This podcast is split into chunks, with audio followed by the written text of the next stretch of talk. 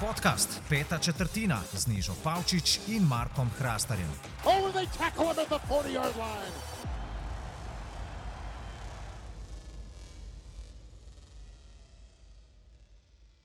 Post Super Bowl epizoda pete četrtine našega podcasta, Neža Pavčič, Marko Hrastar in Rok Gregoric smo z vami, klasična zasedba, uh, živa fanta. Ja, enim se smeji, enim se joka. Z rokom smo pred začetkom sezone rekli, da ja, je v Tampo je prišel Brady, še ta smrad od AB je prišel, še Diva, Furnet, pismo, sam da Tampa ne bo prvak, in evo, gremo spet Tampa, prvak, spet Brady, prvak da je kar ligo ukint. Zakaj Brady kar svoje lige ne naredi, pa kar pač itak je jasno že na začetku sezone, da bo prvak. Po mojem naslednjo sezono, če gre Brady v Jets, bojo Jetsi prvaki. Ja? Treba prilagoditi Uniji znanega o nogometu. Ne? Da ameriški nogomet je igra, ki traja uh, eh, 4 po 15 minut in na koncu sezone je Brady prvak.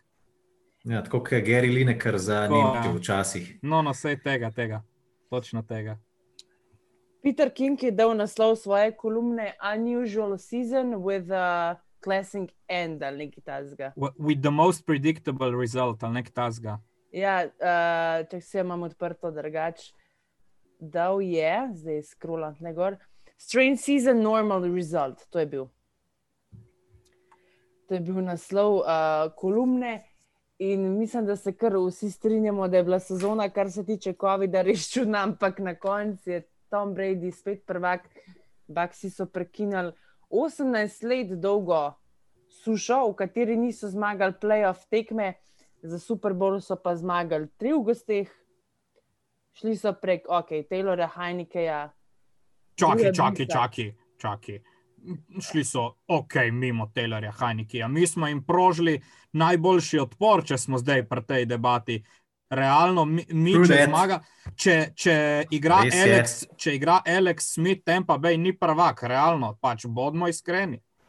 No, ampak uh, v tej debati, prek koga so Baxi prišli, ne, Washington, football team, omenjen ni. Omenjeni so Drew Brees, Aaron Rodgers, Patrick Mahomes. Taylora Heinikeja, pa, pa Washingtona, nobene omenja, čeprav je bila najbolj close tekma. Ja, in, tudi, in tudi najboljšo predstavo od vseh podajalcev, ki so igrali proti uh, obrambi Bakanjer, sem imel Taylor Heineke. Tako da ne vem, ne vem, mogoče, mogoče imamo odgovor. Na položaju podajalca v Washingtonu. Dajmo si najprej naliti čistega vina, da je bilo to odkar je NFL liga na sport klubu najslabša sezona. Žal, no, ampak pač ni bilo gledalcev, praktično jih ni bilo, uh, brez gledalcev in tako vrednost lige devalvira. Uh, tako da mislim. Jaz sem vesel, da je ta sezona sploh šla pod streho, ker sem se odkrito bal in tudi ene parim kolegom sem rekel, da tam že vidim v 8-9 tednu, da bo to kokušb, da bojo sam rekli Kjuzo in bo konc sezone. No. Ja, se mi, da smo se skozi, skozi, skozi sezono, mislim, da prav vsak teden spraševala, a bo, a bo, a bova naslednji teden delala, a se vidiva spet. In potem po tistem debaklu za Thanksgiving, ki tekme nisva niti delala, pa sva potem delala v sredo po noči, Pittsburgh, Baltimore.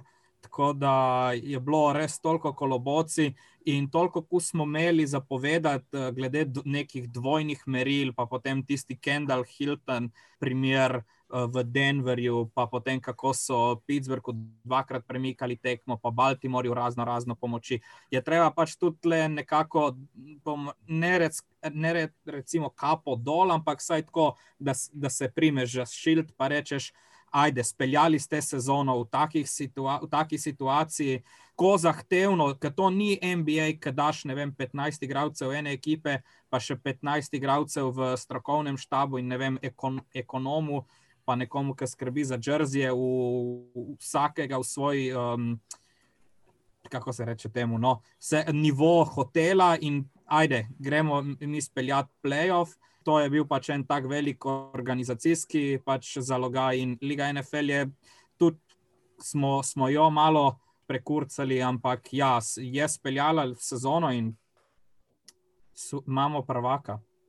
In to zasluženega prvaka na koncu. Ja, in noben ne more reči, da je korona kakorkoli vplivala na raz, razplet sezone in da sta se v finalu dejansko pomerili uh, najboljši ekipi iz vsake konference in da na koncu je zmagala najboljša ekipa, ki tudi recimo po rednem delu mogoče kdo ni pomislil na to, ampak zdaj, ko gledaš nazaj, mislim, da ne moreš narediti kakršnega koli argumenta, da Tempa ni najboljša ekipa konference NFC.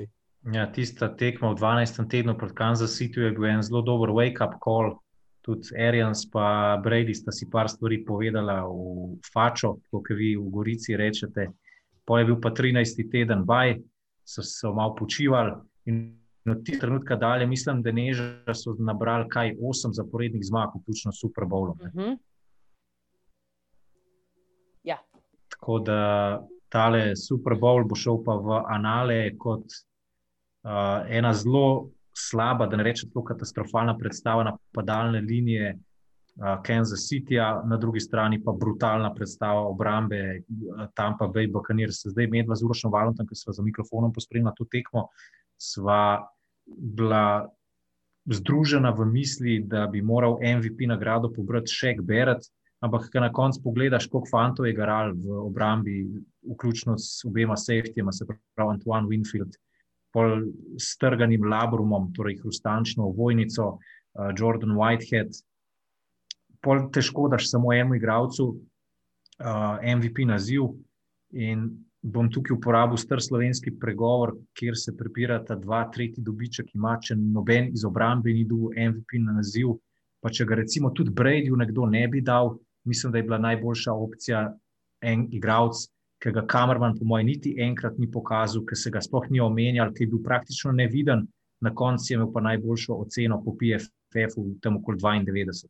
To je bil pa Ruki na napadalni liniji Tristan Wirfs. Tudi če bi on dobil naziv MVP, ne bi bilo čisto nič narobe, ampak ponavadi tako. Igravci napadalne linije ne dobijo tega naziva, ne. ampak je pa recimo tudi napadalna linija Tampe upravila fantastično delo. Kako sta vidva videla to bitko za naziv najkoristnejšega igralca? Rok. Ja, pred sezono smo se v bistvu spraševali, uh, v bistvu pred draftom, um, kaj je najšipkejši člen v celotni ekipi Buccaneersov. Dodajali so talent levo, desno, spredi, zadnji. In dejansko največja, največja pač uganka je, kako bojo pač zaščitili Brady, a levi tekel Donovan Smith je bil, ajde, ok. In največja pač tak vprašaj, je bil desni tekel in ti si z enim uh, draft pikom ne um, pač solidno opravil, ampak zacementiral nekoga, ki bo tukaj, če pač ga bojo plačali, potem ko bo do tega prišlo, da imaš ti desnega tekla že zdaj med desetimi najboljšimi. Verjetno v celotni legi, mislim, skoraj sigurno. No. Tako da ti si v bistvu z enim draft pickom, uh, poleg tega, um, da je pač Brady prišel, je, je bil verjetno izbor Tristan Wirfsa najpomembna, najpomembnejša odločitev eh, front officea Bucksov v celotni pač sezoni in pripravi na to sezono. Tako da, ja, jaz sem se sicer uh, spravil, ker sem tam, ker si me ti uvalil, KNFL Srbija, za komentar po Super Bowlu, sem se spravil pisati. Um, V bistvu povzetek uh, Super Bowla, svoj komentar, in v bistvu sem ga naslovil, kao, ali bi mi verjeli. In v smislu, da ja, Brady je dokončno pač, um, odločil, če ni bila že prej odločena debata o um, pač najboljšemu posamezniku ameriškega nogometa v tem športu, pač vseh časov, da je osvojil sedmi prsten, da ima zdaj več prstenov, kot vse, uh, katera koli pač posamezna franšiza.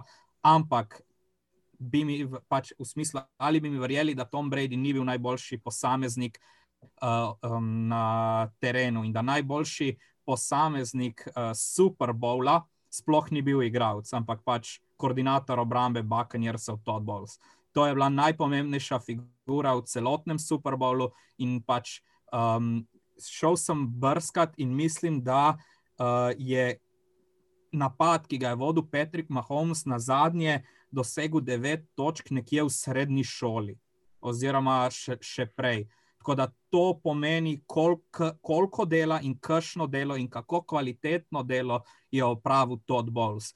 Um, konstantna rotacija dveh safetyjev, odvzemanje velikih akcij. Tyreek Hill je imel do vem, sredine zadnje četrtine dva keča za 12 jardov.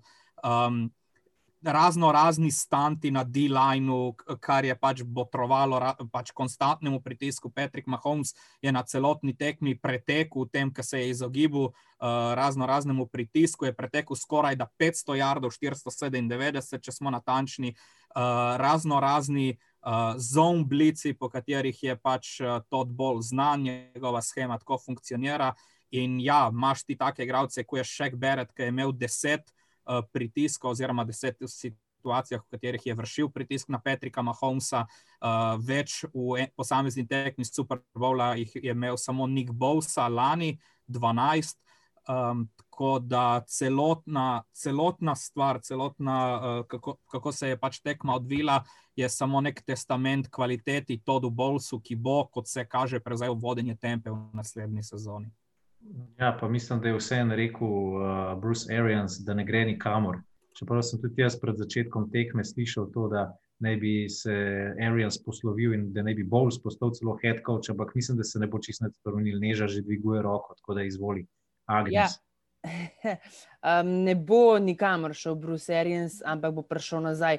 Mislim, da je Jason Laconfora iz CBS Sportsa to um, pred tekmo rekel v studiu, ampak so ga direkt po tekmi na tistem stadiju na um, igrišču vprašali, če je to res, in je rekel, da hell no, I ain't going nowhere.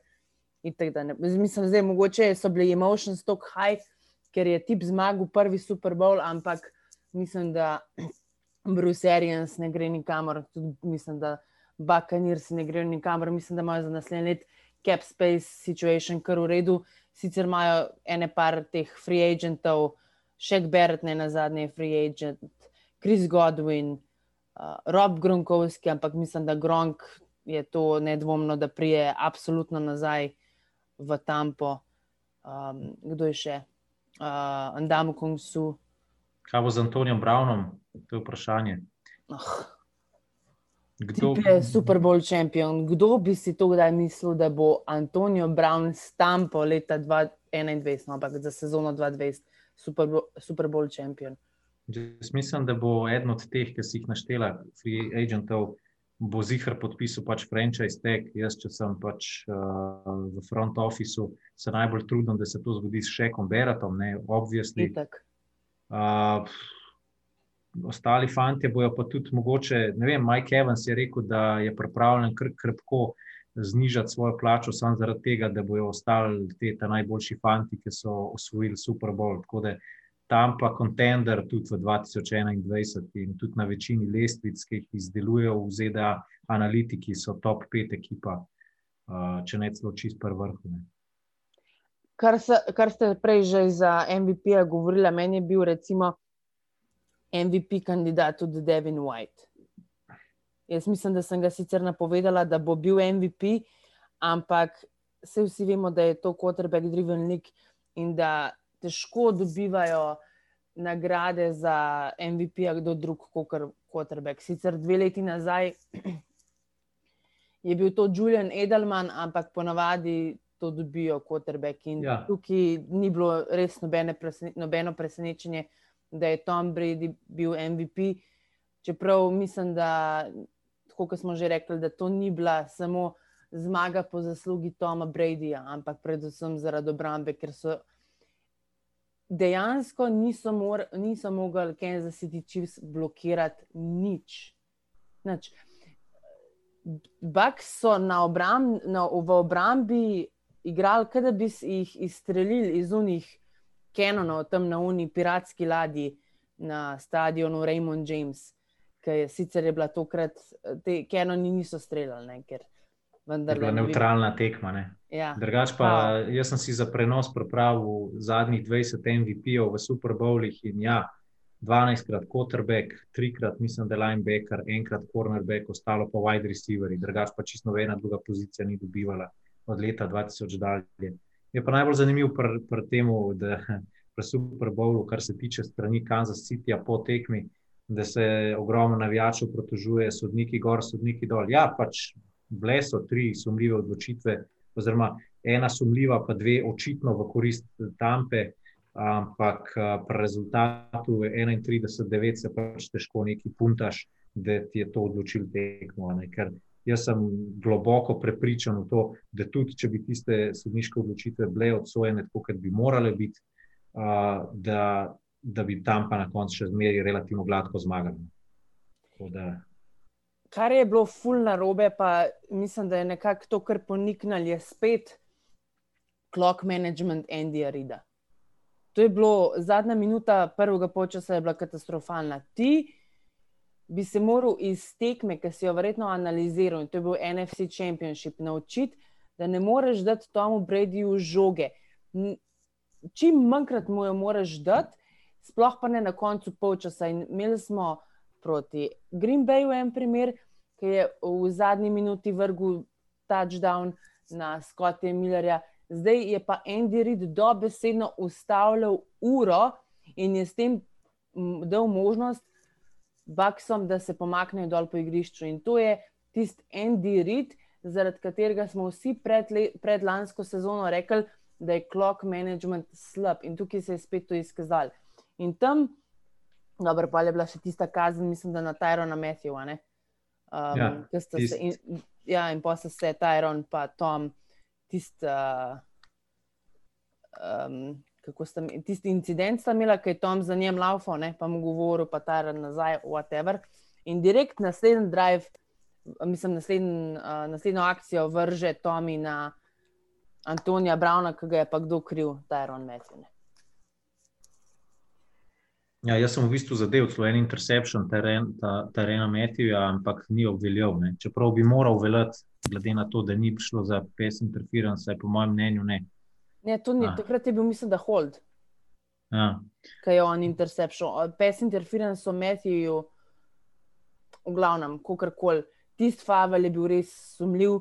Pa kaj smo še rekli? Ja, pa še od Brillant, ki ne bi spotaknil Mike Evansa, se ga pa niti dotaknil tisto. Ja, ampak... tista, tista žoga je jadra, ene pet jardov čez Majka Evansa. In mislim, da je tale Jim Nance najboljš razložil, kaj je rekel. Ne moreš vedeti, kaj bi se zgodilo, ampak pač Mike Evans, tako je dober, toliko ko je velik, ne bo ujel žoge, ki gre 4 metre nad njim. Pač tisto je bila. Vse pač... vseeno bi ujel ali ne bi ujel, dotika sploh bloni. In meni gre na živce okay. to, da potem v počasnih posnetkih ne pokažejo, tega, da se bo šel od Brillant ni dotaknil, sploh Mike Evansa. Tretja zadeva je pa tisti Hamiltonov, uh, Hamiltonova narodna postavitev pri Pantu. Ali, ali ja, offside, offside pri field goalu, smo zdaj bilo. Zdaj ne vem, tudi, tudi tam sem jardov. pogrešal, zakaj niso iz strani pokazali, če bi res čelado za tistih pet centi naprej ali ne. Ja, čudno so, čudno so kazali kote te posnetkov. Recimo, da zunga posnetka, ki je bil ta Hamilton v offsideu, ki so potem se, jaz sem samo čakal, da se bodo zgražali, uh, zaradi tega, ker ta penalti je pa je poklicala Sara Thomas. Uh, tako da ponudili, mislim, tako, težko je se odgledati na to, da ti ponudijo kot, iz katerega lahko rečeš, ne vem. No. Ker imaš toliko različnih kotov, toliko različnih kamer, da je ponudi nekaj boljšega, da potem lahko rečeš, ja, ok, razumem, ne vem, če, sem, pa, če bi jaz to sodel ali pa če se meni to zdi, ampak pač ne vem. Je pa recimo, mislim, da sem ti poslal danes, uh, ali da sem poslal celo v naš skupen pogovor, da ima ta Sara Thomas uh, sina, ki mu je ime Brady. Tako prikladno. Slučajno. Ja, je pa drugače tudi na koncu oškodovala Tampo, ki je bil interception, mislim, da je Lavonteja Davida, pa je sodila, da je pač žoga padla na tla, ampak tekma je bila takrat pa že zdavne, zdavne, zdavne odločena. Tako da niti nima veze. No. Ampak je pa lepo urošvalen povedal, da če bi recimo ta sodniška odločitev, o čem na koncu odločalo, bog ne da je v končnem razpletu, pa taki sodniki pol sploh ne sodijo nekaj časa večno. Jaz bi da vseeno ceno, vsaj zadostno, če ne celo dobro. Solidno je bilo na koncu, imeli so res par čudnih odločitev, ampak ne moremo kriviti sodnikov, čeprav vemo, da familija od Petrika Mahomesa jih je. Ne? Ma, veš kaj, familija od Petrika Mahomesa, ko jih jebe, stari. Oni so pa najbolj annoying familija v celi ligi NFL. Zaradi njih je, po moje, večina teh, ki spremljamo ligo NFL, veselih, da je Kansas City izgubil, zato ker so lahko malo začepili. Vključno z ženo, mislim, za ročenko. Imamo, imamo od Petrika Mahomesa, še posebej pa tem retardiranim bratom. Pač, Uniti, uniti dobesedno guzijo brata, ti pa vmes uh, pač mečeš rit na TikTok in plešeš v tisti loži, mislim, full doro. Ampak meni je bilo najhu, najbolj to, ker so kot prvo, danes, če ste videli tweet Luisa Ridika, oziroma če ste videli tweet Luisa Ridika, da je rekel, on je igral proti podajalcem, Dan Marino, John Elway in podobne stvari. Da če Kansas City, tak Kansas City, kot smo ga gledali v nedeljo, ne bi imeli Patrika Mahomesa, bi izgubili verjetno še z večjo razliko, kot so. Ampak um, potem tiste izseke um, slik, ki so Patrick. Ki so Petrika kazali, da je bil prav tako disbelief, mu piše na čelu, ker njim govori, kako za noč je ta njegova linija je pač ESPN postil na Twitter. In pol ta Britanija, white girl, ne, uh, kao, um, se spravi na ESPN, da so oni trash, da njegovega, da njenega uh, zaročenca oni tako uh, javno žalijo, modelka. To ni nič žaljenje, da on je izgleda prav dober. Ki so, so pa to delali, verjetno lani, Jimmy Ogaropolo, si se pa smejala. Ne? Kukar koli že, Austin Reiter, eh, Andrew Wiley, Steven Višnjavski, pa ne vem, kdo je še. A ja, uf, te ne pozabo, Mike Remers.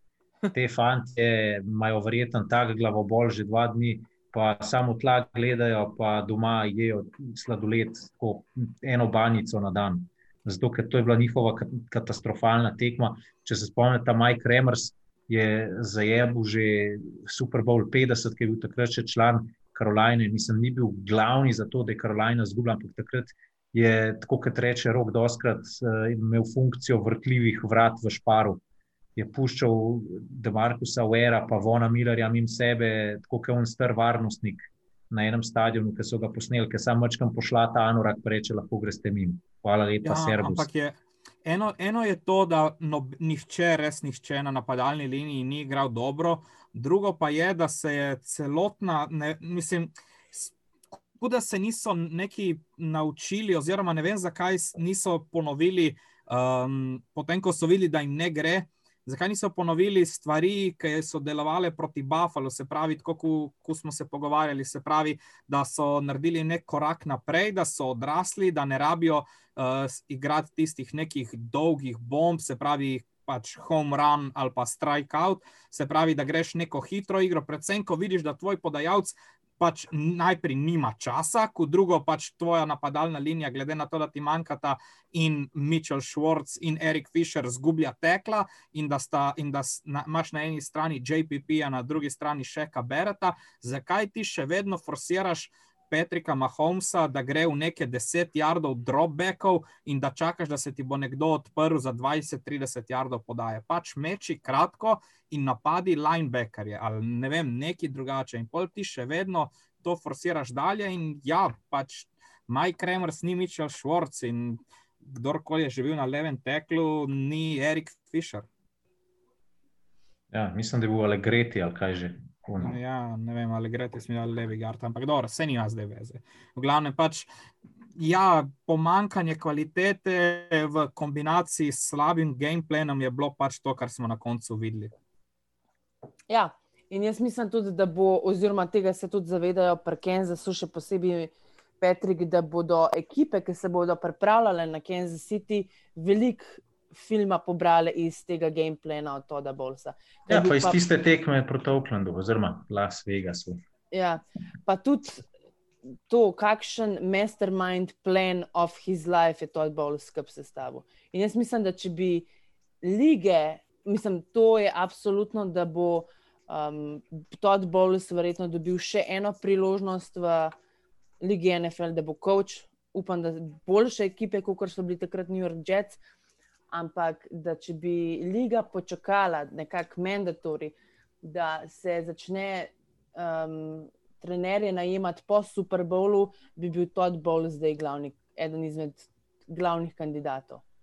Ampak spet na drugi strani pa vidimo, kako zelo so se delnice Erika Bienemija zdaj spustile. Ja, Ne. pa tudi nekaj je treba vedeti. Ne. Med tednom, eh, mislim, da v sredo ali v četrtek se je zgodila ena pač tragedija, ki mislim, da je kar resno vplivala, mogoče celo malo podcenjujemo no, v povezavi z Andyjem Ridom. On ima res take probleme s svojimi otroki. En je pač overdozil na heroinu, zdaj ta, ta drug je pa tudi ful problematičen in sta bila oba z s tistim, ki je že pokojni, Garrett Reed, ta je pa Brad ali Brit Reed, ni, Reed. ni važen. Skratka, oba sta bila dilerja, takrat, ko sta bila na, na koledžu. Zdaj ta, ta drugi revež je nekako dobil job kot uh, trener outside linebackerjev na Kansas City Chiefsih. In on ti gre med tednom pijan, naredi prometno nesrečo, in petletni in štiriletni otrok sta v smrtni nevarnosti, oziroma eno od teh dveh. In pač taka zadeva, te, vsi smo ljudje, in taka zadeva te ne more pustiti kot starša ravnodušenega. In jaz mislim, da je tudi to, ne bom rekel v celoti, ampak delno, delno je pa definitivno to vplivalo na pripravo Kansas Cityja in predvsem Andyja Rida ne, na tekmo. To je distraction. In to mislim, da so, um, mislim, da so deloma pri Kansasu se tega zavedali, da je to distraction, ampak po drugi strani je to od Rida, juniorja, zelo neodgovorno, da greš ti nekaj tajnega narediti. Potem, ko veš, da imaš probleme in z alkoholom, in z drogami, leta in leta, greš na v bistvu tri dni, oziroma dva dni, preden greš na Super Bowl, tekmo leta, greš, ta, greš eno tako bedarijo narediti. In to je grozen. In ful preve, pre, preveč se je to down, kako se reče, downplayal v dneh pred Super Bowlom. Skoraj noben tega ni omenil. Je pa res, da NFL sta v zadnjih treh dneh, štirih, kar ene dve hude tragedije doletele. Danes je umrl Marti Šotmajer po šestih letih boja z Alzheimerjevo boleznijo. Novinarje v svetu NFL-a je pa v soboto zelo pretresla smrt um, Krisa. Wesselinga. Tisti, ki je poslušal Around the NFL podcast, ve, kdo je to. Vedno je bil tako. Um, tako no, čuden je, da veš, da je nekdo umrl, ki si se mogoče še lani v Miami, smo se nekaj pogovarjali z njim, pa z Markom Seslerjem, tako da zdaj pa kar naenkrat ni več in najhuje to, da ima tip pač ženo in osem mesecev starega tam avga, ki fotra ne bo nikoli poznal. Tako da žalostno. No. No, anyway, jaz pač najbolj prvoščam ta Super Bowl ring, kot sem že na zadnjem podkastu povedal, Lavonteju Davidu. Majster je dal svoje življenje Tampi, Mm, Tom Brady je pa ja, pač zdaj podčrtal, obkrožil, zapečatil debato The Goat. Zdaj pa tudi tisti največji hejteri morajo pač v tla pogledati. Um, kako je že imeti tistemu analitiku na First Take, Stevenom. Keller. Smithom. Ja, Kellerman, Kellerman. Max, Max Kellerman je pred petimi leti rekel, da je Tom Brady in decline, da gre njegova karijera navzdol in da bi bilo najbolj, da bi nehal. Koliko Super Bowlov je takrat osvojil? Tri, Mm, meni se zdi, da tri. 2015, 2017, 2019, 2021. Ja. Št- Štiri, štiri, le- um, štiri Super Bowl ringe od 2014 dalje. V Ja. da jaz bi, jaz bi rekel za Toma Bradyja najprej tako. Bom začel slabo, pa bom šel pa vedno na boljš, tako da neža ne me prekiniti. Tom Brady, nikoli ne bo moj kotrbek. Jaz njega nisem od začetka maral, že zaradi tega, ker mi ga je pač brat prodal kot nekoga, ki je pač vilen. Goljufanje tam, goljufanje tle.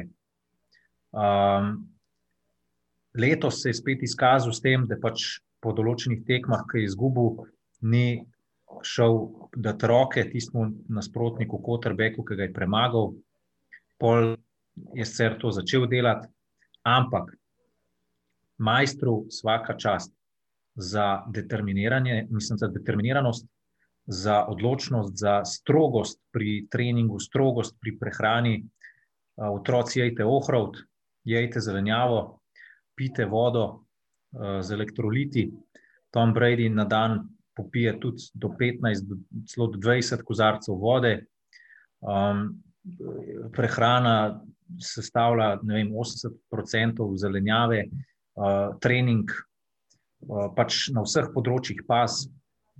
Zato lahko pri 43 letih še pač igra na vrhunski ravni.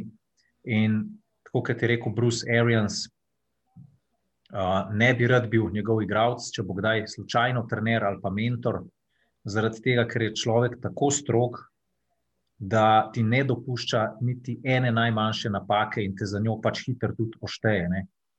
In uh, Tom Brady je pač, kot rečejo naši južni bratje, majstor svog zanata. In smilijo se mi vsi ostali, pač quarterbacki uh, in klubi, za katere ne nastopa, ker igrati pa premagovati redno tacga nasprotnika je jeba. Uh, še posebej zaradi tega, ker Tom Brady kljub temu, da sem to med prenosom rekel, ne, v nekem zanosu, da če zmaga Super Bowl, da bo najverjetneje končal svojo kariero, ampak ne. Tom Brady je med tednom na Zoom mitingih povedal, da se čuti pripravljenega igrati tudi po 45. letu in to ni noben fairy tale, to je realnost, to bo realnost. Tom Brady bo verjetno igral še ene, tri, štiri sezone. Tako da uh, brace yourself. Um, jaz bom počasi začel Filipa navajati na to, kdo je Tom Brady, da ga bo začel tudi on gledati, mogoče po televiziji, da malo učiti, kdo je to. In v bistvu po eni strani sem lahko tudi vesel, da bo mogoče tudi on videl tega vele mojstra pač ameriškega nogometa. Uži, mislim, uživo ne, ampak po televiziji pa vsem uh, imaš nek poseben feeling, če vidiš. Če imaš spomin na nekoga tacga, nekega vidiš po televiziji to je bil moj slavospev Tomu Brady z določenimi packami. Ne gre nekaj zdaj rok povedati, kaj Tom Brady pomeni za football legacy. Uh, če se spomnite, lani v off-seasonu, koliko ekip je bilo zainteresiranih za Toma Bradyja? Ja, točno dve. Chargersi in Buccaneersi, s tem, da Chargersi so bili samo tako, uh, kar smo se uh, znebili enega starega nemobilnega podajalca, bi res tvegali še z enim starim nemobilnim podajalcem. In so zbrali Justina Herberta. Kar ne rečem, da je bila napačna odločitev, pač šli so v neko svojo novo uh, smer, in potem je v bistvu edina destinacija ostala Tempa. Uh, Um, in nekje se mi zdi, da sem zasledil tweet, zakaj se pač za Bradyja ni zanimalo, recimo, vsaj toliko, pol toliko ekip, kot se trenutno za Dešona Watsona. In tako zdaj, vsej, ko, ko je tisti lep rek, da po bitki je pač lahko biti general, ampak zdaj, ki gledaš nazaj, kako lahko so smo do neke mere, ker recimo tudi jaz sem do neke mere, se je odpisalo Bradyja kot nekoga, ki je pač končal, ja, pri Patriotih je naredil svoje, zdaj pa pač proba še ne vem, malo statistike popraviti. In zdaj ne da se, ne da se govori, pač, da ko, ko smo eh, pač složni v misli, da je to najboljši igralec vseh časov. Um, kdaj bomo začeli govoriti kot neki legendi v smislu najboljšega športnika oziroma posameznika v sferi, v sferi Muhameda Alija, v sferi Michaela Jordana, uh, ne vem, v, tej, v tem krogu posameznikov me zanima. Jaz sem odgovor na to. No. Jaz sem odgovor na to zaradi tega, ker je še vedno percepcija ameriškega nogometa to, da je to ameriški nogomet če bi Leo Messi ali pa Cristiano Ronaldo dobila več Championship, um, Champions League kron, kot katerkoli drug igralec, bi bila takoj v tem pogledu. Zato, ker je nogomet oziroma soccer je uh, global thing. Futbol je pa sam Amerika, mogoče Amerika, Kanada, Južna Amerika, Meksiko, Brazil, pa malo Evrope. In to je to. In zaradi tega, ker je košarka, boks, futbal navaden, toliko bolj popularen, je avtomatsko potem nek športnik, ki je tam vreden tudi pol več. Ampak jaz mislim, da je čas, da se tudi tega zavem, za, začnemo zavedati, da Tom Brady, sej smo že prej rekli, on igra v svoji ligi. Američani rečejo, da he plays in a league of his own in to je res. Pač Tom pa to eh, ne, ne, ne tako nagledati, da sem jaz bajes, pa Tom Brady apologet, ampak Tom Brady spreminja franšize, ne samo eno, ker je pač Patriotsi so preden je on prišel v New England, so zmagali, en, so bili na enem Super Bowlu, ki so ga izgubili proti Green Bayu. Ker je on prišel, se je ta mentaliteta nekako spremenila. On je, vz, on je vzemal discounts every single year, da, je, da, da so si lahko peci prvoščali ekipo, kakršno si on želel, da so zmagali Super Bowle. Pa ni on užival v New Englandu nekega statusa superzvezdnika, on je bil prvi na tapeti, ki je bil Beličik čez njih pizdil. To je ogromen zgodb glede tega. In Tom Brady, pač dejstvo je, da vsi trije igralci, ki so v nedeljo dosegali touchdown v Super Bowlu, so v Tampo prišli po Tomu noben pred desetimi meseci ni bil na rosterju Tampa Bay. Gronk je prišel aprila, Antonijo Brown pa Leonard Fournette sta prišla oktobra. In oni so prišli v Tampo zaradi tega, ker je tako hotel Brady in s tem, da z njim zmagajo Super Bowl. In še za konc to, Des Bryant je tvitnil javno, da je mu žal, da nikoli ni igral z Bradyjem. Ja. In to si verjetno misli na tisoče in tisoče in tisoče igralcev, ampak noben tega na glas ne bo rekel. In ti, tvoje delnice, če ti igraš s Tomom, poskočijo za, mil, za ne vem koliko, ker v stock market se ne spoznam. Ampak poskočijo, če ti igraš s Tomom, ker imaš nerealno velike šanse. Kokrat je Green Bay blizu tega, da pride na Super Bowl, pa nikoli ne morejo, ker nekaj zmanjka. Tom Brady je sinonim za hard work, dedication, pa success. Pa super. Točno to, točno to, pa tudi eh, nekaj je res. Ne, to, to sem tudi jaz med prenosom povedal, pa tudi ti si zdaj omenil, ampak premalo govorimo o tem, kako ostale fante naredi dobre, Tom Brady. Pač zaradi tega, ker mu verjamejo, zaradi tega, ker vejo, da, da je sposoben, zaradi tega, ker tudi govori, pač je tako direkten in, in zna povedati tiste zadeve, ki jih oni morajo slišati da v tistih pomembnih trenutkih odreagirajo in odigrajo tako, kot pač je treba. Ne. Kar se tiče pa debate, največji športnik vseh časov, pa ja, preposlušal sem sam v zadnjih dveh dneh, odkar je bilo konec Super Bowla, od tistega pokleka dalje, kako pač človek, ki igra šport, ki je prisoten profesionalno, ne, seveda, um, pustimo amaterizem, samo v eni državi na svetu, pa čeprav ima ta država 350 milijonov, je težko največji športnik vseh časov in tukaj pač se moram strinjati. Ne bi šel pa tako daleč, da bi rekel, da je ta šport pač nepomemben. Jaz sem pač komentiran ga, uh, gotivim ga in tudi to je en poseben dosežek. In definitivno, če bi iz vsakega športa moral če bi vsak šport moral dati največjega vseh časov, bi jasno ameriški nogomet dal uh, Toma Bradyja. Uh, že sam zaradi tega, ker Tom Brady ima neko konstanto, ne? on je 20, več kot 20 let na najvišji možni ravni. Uh, Máš recimo tudi take igralce, kot je v obrambi. Uh, pa ne bom rekel Aaron Donald, ker on se bo še razvil in bomo po koncu karijere rekli, kaj je, kdo je. Ampak recimo bom vzel za primer Lawrencea Taylorja. Ne? On je pač 12 let igral na najvišjem nivoju in bi lahko bil na obrambni strani žoge, oziroma na obrambni strani line of scrimmage, um, največji vseh časov. Zdaj pa, če dam neko primerjavo z drugimi športi, je pa pač najbolj prikladno za me tenisa. Ne? In tenis se igra po celem svetu, praktično, eh, kar se tiče vseh dejavnikov, vem, od gledalcev, sponzorskih pogodb, eh, prisotnosti televizije,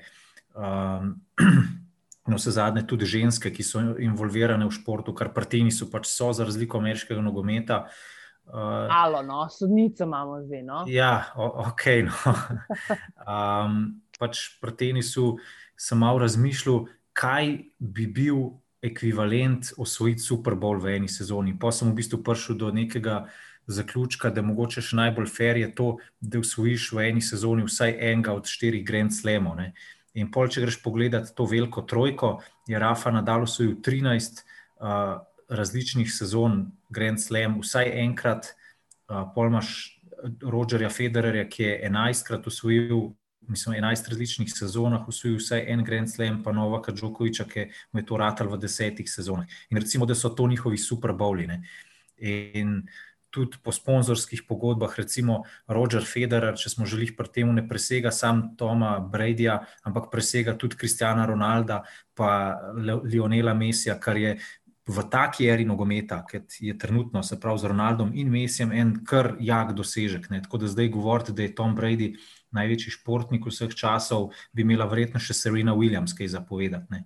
Je pa pač one of the greats. In, uh, v Ameriki ga bojo zelo čislali, in uh, če bi obstajala neka gora, Rushmore, na kateri bi upodobil največje ameriške športnike, sem prepričan, da bi Tom Brady bil izklesan v tisti kamen.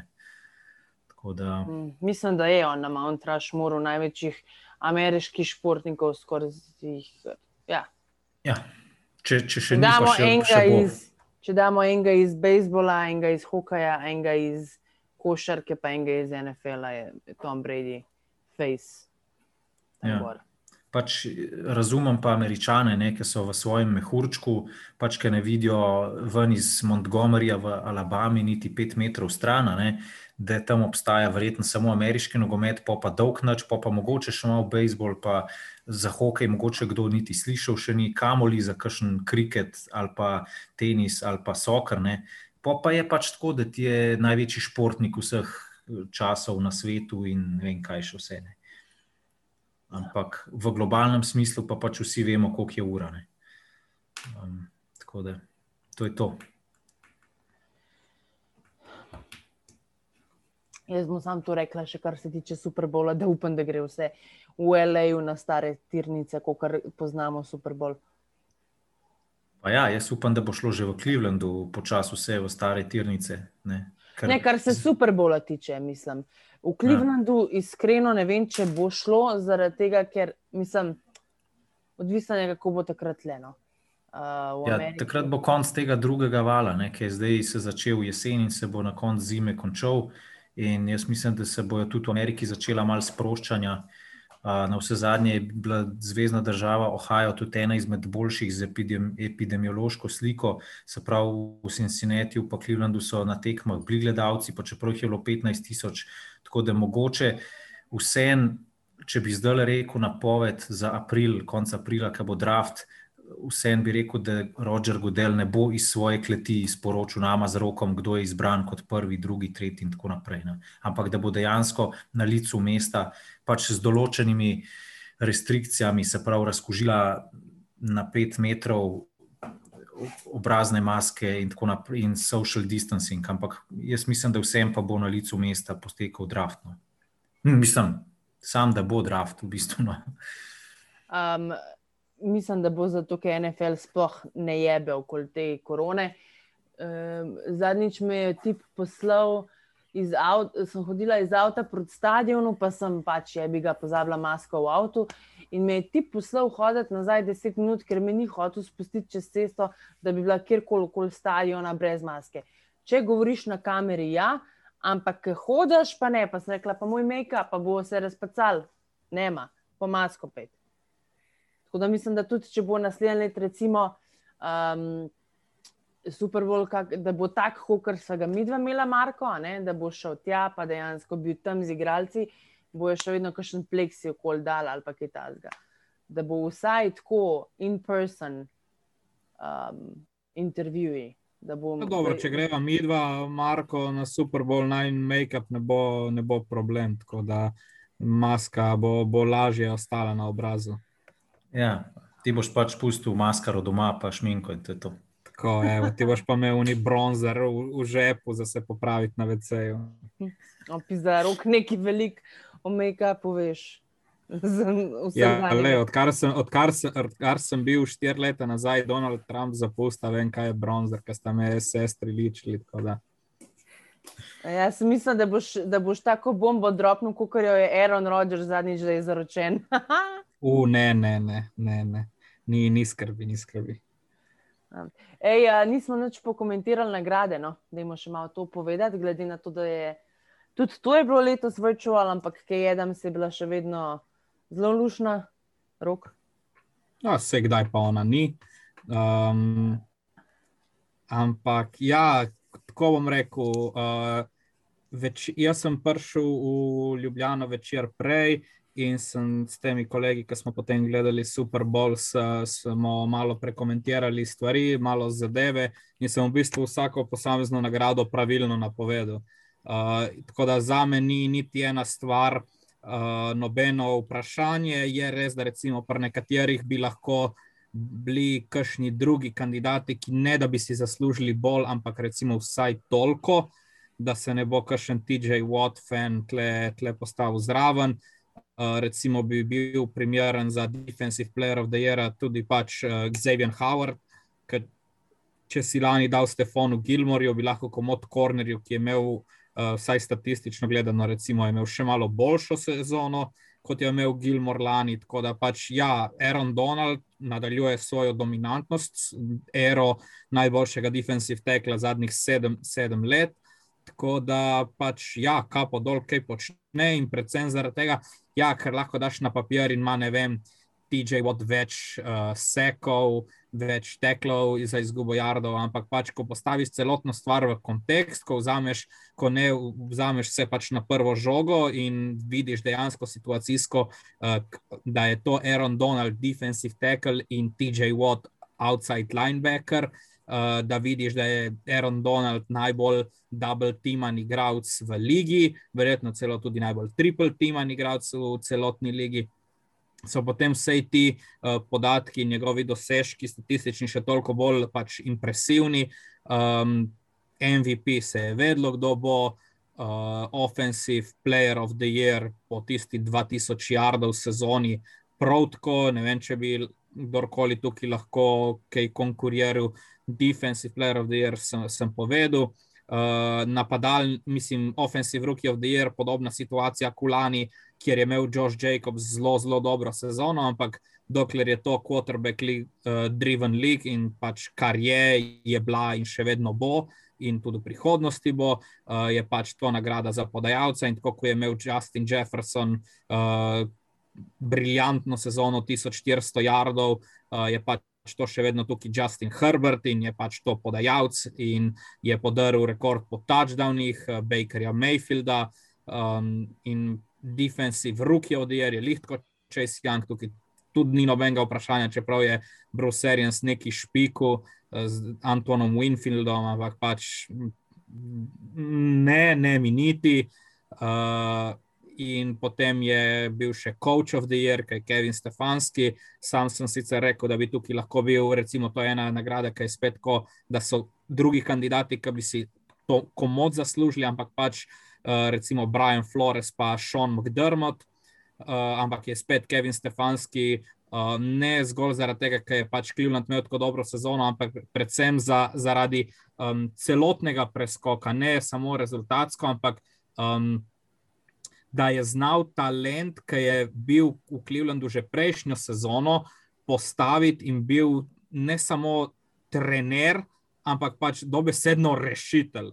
Ker pač to, kar je Cleveland je imel talent, ampak je pač stagniral, oziroma tonil celo v napačno smer, oziroma hitev proti destinaciji za pravljanje talenta, kot ga nekatere ekipe pač že ne par let, recimo Houston je tukaj najlepši primer, uh, kjer pač z napačnim trenerjem, tudi če imaš talent, ne, ne moreš narediti način. Stefanski je bil prava izbira in naredil neki uh, pač letos v koraku v pravo smer in zdaj Cleveland lahko pač sladkimi skrbi gleda svojo prihodnost. Uh, in potem comeback player of the year je pač Alex Smith, kar spet ni bilo nobenega vprašanja. In bolj, bolj kot to, da je Alex Smith uh, osvojil to nagrado, me moti, oziroma pač me je najbolj zmotilo to, da ni bil on unanimous, da je en majster, kdorkoli je to že bil, verjetno, kakšen, uh, ki je glasoval, ki je bil iz Pittsburgha, pač en glas na menu Big Benu. Tako da, pač, ja, to je mojih pet centov na to temo. Ja, Walter Payton, Man of Deer, je dobil pa Russell Wilson, to si še pozabil povedati. Ja, kaj je, bil, kaj je bil toliko dobra duša, da je Patriot sem 3-4 leta nazaj podaril Super Bowl. Ja, ja jaz na tole od. Ja, na, na te zadeve, ki jih je zdaj le rok povedal, lahko rečem samo, šta reči, ko je v poslu kuporat, kome. Zato, ker je rok pač čisto vse povedal, kar bi tudi sam. Edina stvar, ki me matra okoli vsega skupaj, je to, da zakaj za vraga, če imamo nek tak statističen sistem, kot je PFF, se pravi, kot je rok med prenosi večkrat letos povedal, da ti šteje čisto vsak gib, vsak pressure, vsak hurry, če si seveda obrambni igralec, vsak sek, skratka, vse, vse, vse se ti šteje, kako prdneš se ti šteje. Zakaj za vraga, pol na koncu ki vse podeljujejo te nagrade, enostavno ne greš pogledati samo overall PFF ranking in je stvar rešena. In se noben ne bi kregal, in noben ne bi govoril, in noben J.J. Watt ne bi na, na Twitter limal, da ja, moj brat je bil oškodovan. Pač imaš tiste številke, and numbers don't lie. In, in tukaj je pač Aaron Donald bil ne samo najboljši obrambni igralec, ampak mislim, da je celo najboljši igralec v ligi po PFF-u z oceno 96. Tako da razložite mi, pač, petletnemu otroku, čist po kmečki, zakaj se ne pogleda takih zadev, če imamo tak sistem. Zaradi tega, ker vse ekipe ne priznavajo PFF-a kot nekega merodajnega um, pač sistema, merila. In, um, tako bom rekel, tako kot recimo, ne, ne bo najboljši primer, ampak tako bom rekel, tako kot je var sama po sebi fantastična stvar in bi se jo dalo komod. Um, pač uporabi temu, da izboljša samo igro in izniči napake. Če ga daš ti v roke uh, osebi, ki je staromodna in tega ne zna izkoristiti, pač bo potem se dogajale take stvari, ko se z razno raznimi offsajdi, uh, glede na palce, glede na uh, vem, razno razne smešne roke. K, To, kar se je zgodilo zdaj, recimo na tehni od West Hama, tisti, ki spremljajo te nogomet. Uh, In tako je s PFF-om, meni se zdi to stvar, ki pač glede na to, koliko dela dajo, vložijo, koliko vsake, vsaka akcija je analizirana, ne vem, glede na tvoj, kaj jaz vem, na tvojo spremembo smeri, če si lovilc, um, na tvoj prvi, prvi korak kot, kot DB, kot linebacker. Se mi zdi pač popoln sistem, da dejansko um, izničiš, uh, recimo, kaj jaz vem, pozicijo ja, dobesedno izničiš pozicijskost in dobiš uh, prefil, najlepše prefiltrirano kvaliteto igralca uh, nasploh. In pač nekatere ekipe, oziroma posamezniki, uh, bodi si staromodni, bodi si imajo neke svoje poglede, pač tega ne priznavajo. In, Kaj jaz vem, ampak kot sem rekel, ko vzameš vse številke v kontekst in postaviš ti uh, uh, v, razn, pač v razno razne situacije, oba igralca. Pač, um, ne vem, jaz, jaz bom vedno vzel Erona Donalda kot najboljšega igralca, ne samo obrambe, ampak to sem pač jaz. Rok, kar si povedal, glede na nagrade, strinjam, jaz nimam z, nobenim, torej z nobeno izbiro težave, kot ima J.J. Watt, imam pa težavo s tem, da ni dobil Alex Smith vseh 50 glasov, ampak je nekdo res si drznil, mislim, si drznil. Pač tle si res drzneš, da ne glasuješ za Alexa Smitha kot comeback playerja. Leta, mislim, to je nevrjetno, kaj je ta tip šel. Čez tokrat smo že povedali in mislim, da je vsaka dodatna beseda tle odveč. Ja, pa še za Hall of Fame smo videli pač nove poklice v hišo slavnih, kjer je bil spet grdo pozabljen Clay Matthews, ne, nekdani linebacker Clevelanda iz 80-ih let. Uh, vsako leto, ki prebiram Twitter, tako le dan ali pa dva, preden je uh, v poklicu hišo slavnih, so vsi prepričani, da bo Clay Matthews tja pač končno indaktan, ampak pol pa dolgi nosovi. So bili pa upoklicani, recimo Calvin Johnson, pa jasno tudi Peyton Manning, pa še ne par imen. No, Charles uh, Woodson. Charles Woodson, ja, tudi on, zasluženo. Um, naslednji let pa mislim, da bo že letnik, ki bo Devin Hester upoklican. Devin Hester bo imel možnost, pa mislim, da tudi Tony Romo. mislim, da, da bo um, kandidat. No, tako. No, on bi bil lahko tudi kom, kot komentator poklican. Ja, se je to tle, da ne bomo začeli debate, ker je Toni Romo, glede na igralsko kariero, pač ni Hall of Famer. Ne. Uh, kot, kot nek media person pa se bomo lahko pogovarjali čez nekaj let. No. Kot media person je meni on top. Kot sta bila včasih Jim Nance pa Phil Sims um, slaba za poslušati, sploh Phil Sims, je zdaj Romo meni neverjetno. Mislim- Yeah, I don't know, Jim. Ja. ne, top. Nič Ne, manj- res, re, res je, res je dober. Uh, pa tisti njegovi, um, ma ne bom rekel, ne mrmranja, ampak prav neki, ki jih ne, ne znam, neki vložki, ki jih ne znam poimenovati, ki tako pogled, ki je posnetek, pa tako neka akcija, in potem je tišina, in potem se sliši samo. "Ah, I don't know," samo tako, Ja, ja, ok, ok. Ne, ampak model je res Nostradamus. Če Se spomnim, jaz se spomnim takrat 2018 AFC Championship Game, ko so igrali na Arrowheadu, Kansas pa New England. In je točno zadnje tri drive v rednem delu, je točno vedel, kaj bojo peci igrali in so res. In lega Nostradamusa v 12. tednu je napovedal Super Bowl Kansas Tampa.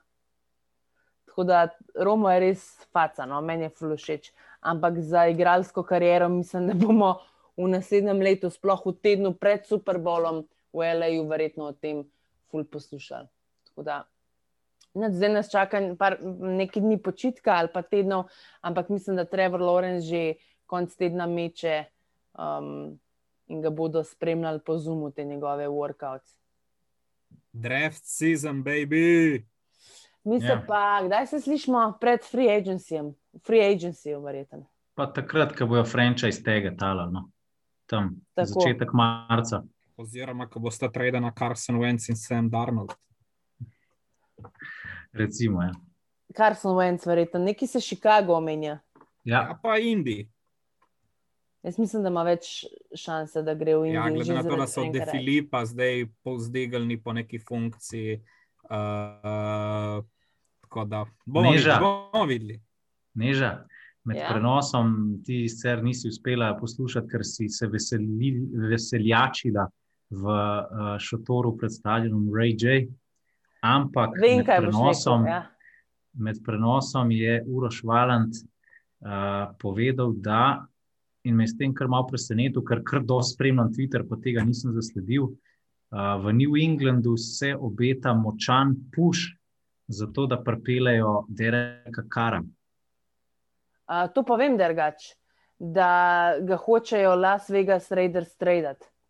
Ja. In naj bi bil New England med največjimi interesenti, pa tudi za T.Y. Ja. Hiltona sem ravno kar videla. Indij, Green Bay, New England so glavni interesenti za T.Y. Ja. Tako da um, Jaz mislim, da se nam obeta ena izmed najbolj zanimivih uh, uh, sezon, oziroma teh off-seasonov, kar se tiče prestopov. No, tako. Tudi, recimo, wide receiverjev je vsaj deset takih, ki bojo zelo zanimivi za pogled, uh, ki imajo pač in poteče pogodba in bodo našli neko novo sredino. Še posebej me matra, recimo, kam bo šel Alan Robinson, kam bo šel kakšen Kenny Golladay, kam bo šel Will Fuller in tako naprej. Juju, Juju, Odell, tako no. Chris Godwin je tudi free agent. Ja, on bo naredil vse, da ostane v Tampi, po mojem. no. Lej, jaz bi tudi s Tomom ostala. Kdo, kdo bi hotel zdaj iti ven iz Tampe? Kdo? kdo? to je tako, to je tako recimo ta, recimo še za, na koncu, to je ta magnituda, ki jo imaš, kar se vpliva tiče. Tako kot recimo ne vem, v NBA-ju LeBron James, ki bojo starejši igralci igrali za minimum, samo da bojo igrali z njim, ker pač vejo, da imajo z njim največje uh, pač šanse za zmagovati. In me zanima, kjer veteran bo letos pridružil Tomu v tako imenovanem ring chasen. Ja, tako en tak ekvivalent, ki pa v slovenskem nogometu dare vršič. ne, če okay. lepo se meni neža, pa se slišimo kaj. No. Ja, itek. Ajde, čau, hvala. Ajde, za čau, Čau, čau. čau. Ja.